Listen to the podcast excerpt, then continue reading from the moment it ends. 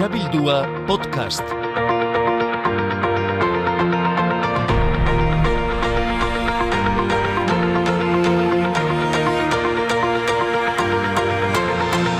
Kaixo, kaixo, eta ongi etorri denoi Xabildua podcastera. Teknologiaren sailean, astela saia dela esan genezak ez da? Bueno, bai behintzat, astelen arratsalde bitarte. WhatsApp, Instagram eta Facebooken erori aldia izan genuelako edo itzalaldia, zuek aukeratu hitza. Hau guztia eta gehiago, orain hasi eta datozen minutuetan Xabildua podcastean. Xabi unanu naiz, ongi etorri denoi.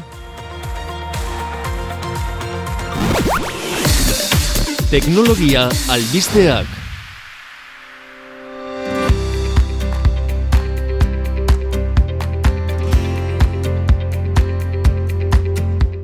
Eta hogeita bateko urriak lau, astelena, arratsaldeko bostak inguruan. Bat batean, gure gailu guztiak Whatsappera, Instagramera eta Facebookera sartu estenik geratu dira. Berdin du, behin da berriro saiatzen bagara. Routerra piztu eta itzaldi, telefonoa piztu eta itzaldi, datua jarri eta kendu, alper, alper, alperrik. WhatsApp, Instagram eta Facebook itzalita daude mundu zabaleko iru mila eta boston milioi pertsonari eragin dion itzalaldia izan da. Gutxi gora bera planetan bizigaren euneko berrogeita bosta hori. Eta haudena gutxi balitz eta ziur nabarituko zenutela edo behintzat jakinaren gainean egongo zaretela, sei orduz luzatu den erorialdia edo itzalaldia izan da. Erabiltzaile batzuentzat, ba bueno, ba ez jakintasuna, zer egin ez, nola komunikatu, ezin jakin. Beste batzuk ordea, Twitter edo Telegramera salto eginez komunikatu dira. Twitter berak ere ongi etorri egin die erabiltzaile guzti, guzti, guzti horiek. Baina beno, zer gertatu da? Zer garti gertatu da hau? Berriro gertatuko da?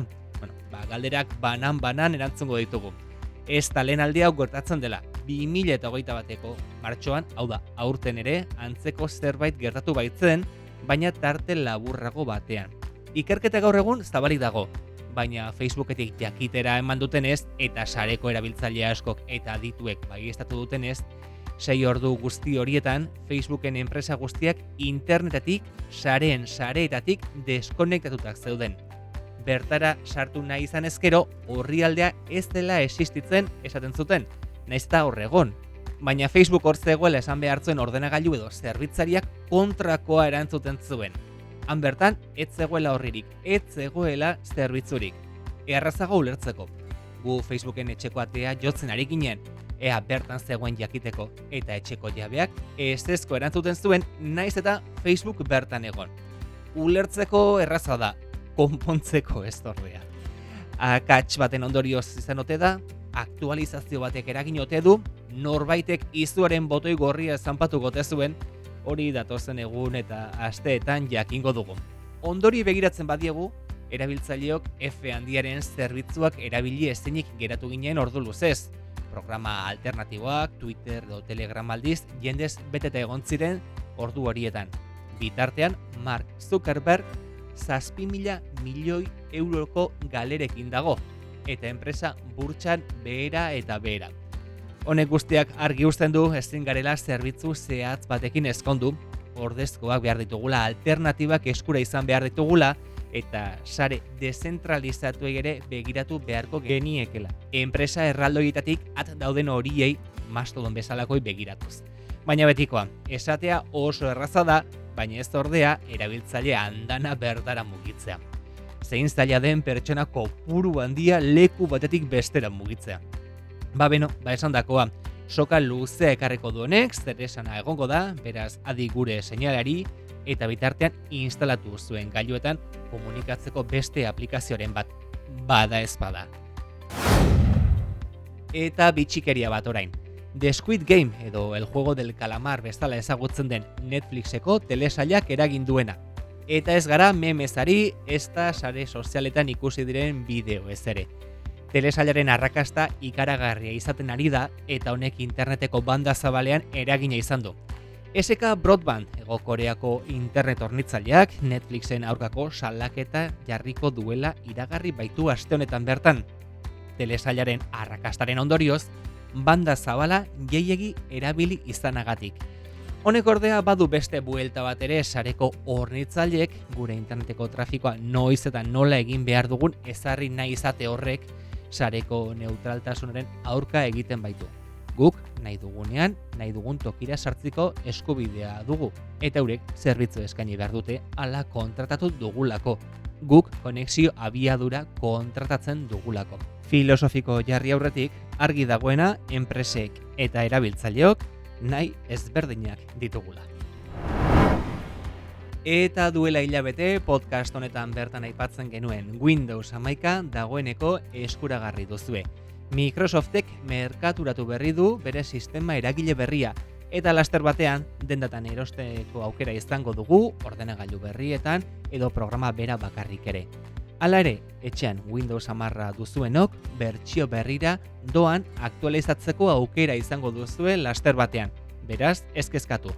Hori bai, onena pixko bat itxarotea denbora pixko bat ematia izango da.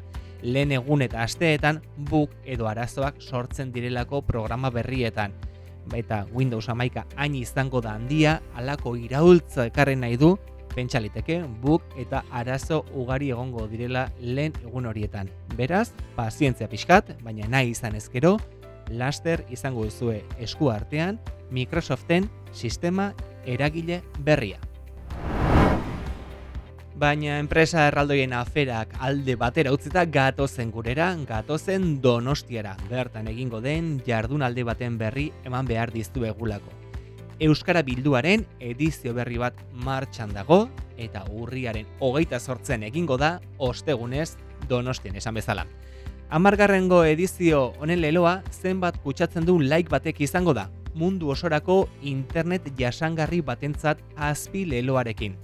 Donostiako Santelmon Museoan egingo da aurtengo edizioa eta hausnartzeko aurten eguzki energia gongo da, bai eta Silicon Valleyk zergatik ez gaituen aldaketa klimatikotik salbatuko ere. Honez gain, etorkiznari begira ere jarriko dira bertan, kasu praktikoak ere aipatuz.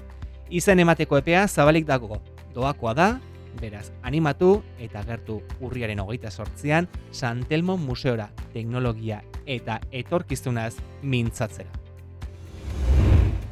Eta amaitu aurretik aipamen txiki bat ere. One more thing. Hala esango luke behintzat Steve Jobsek bere aurkezpen batean. Astonetan bete dira, amar urte apeliko sortzaile ezaguna zendu zenetik. Teknologia bizi estilo bihurtu zuen pertsona horietako bat izan zen, bai eta diseinua mundu zibernatikora ekarri zuen horietako bat ere. Beste askorentzat ordea, teknologia zaharra, prezioa altuan saltzen zuen pertsona bat izan zen Steve Jobs. Aski ezaguna eta bere aztarna utzi duena ere. Amar urte zendu zenetik. Ba, listo, onaino kontatzeko genuen guztia. Datorren astean, teknologia pilula berri batekin itzuliko gara, gogoratu xabildua.eu satarian topatuko gaitu zuela, bai eta podcast zerbitzu nagusienetan ere Spotify, Apple eta Google Podcasten eta gainontzekoetan ere. Datorren astean gehiago. Aio eta ongi bizi.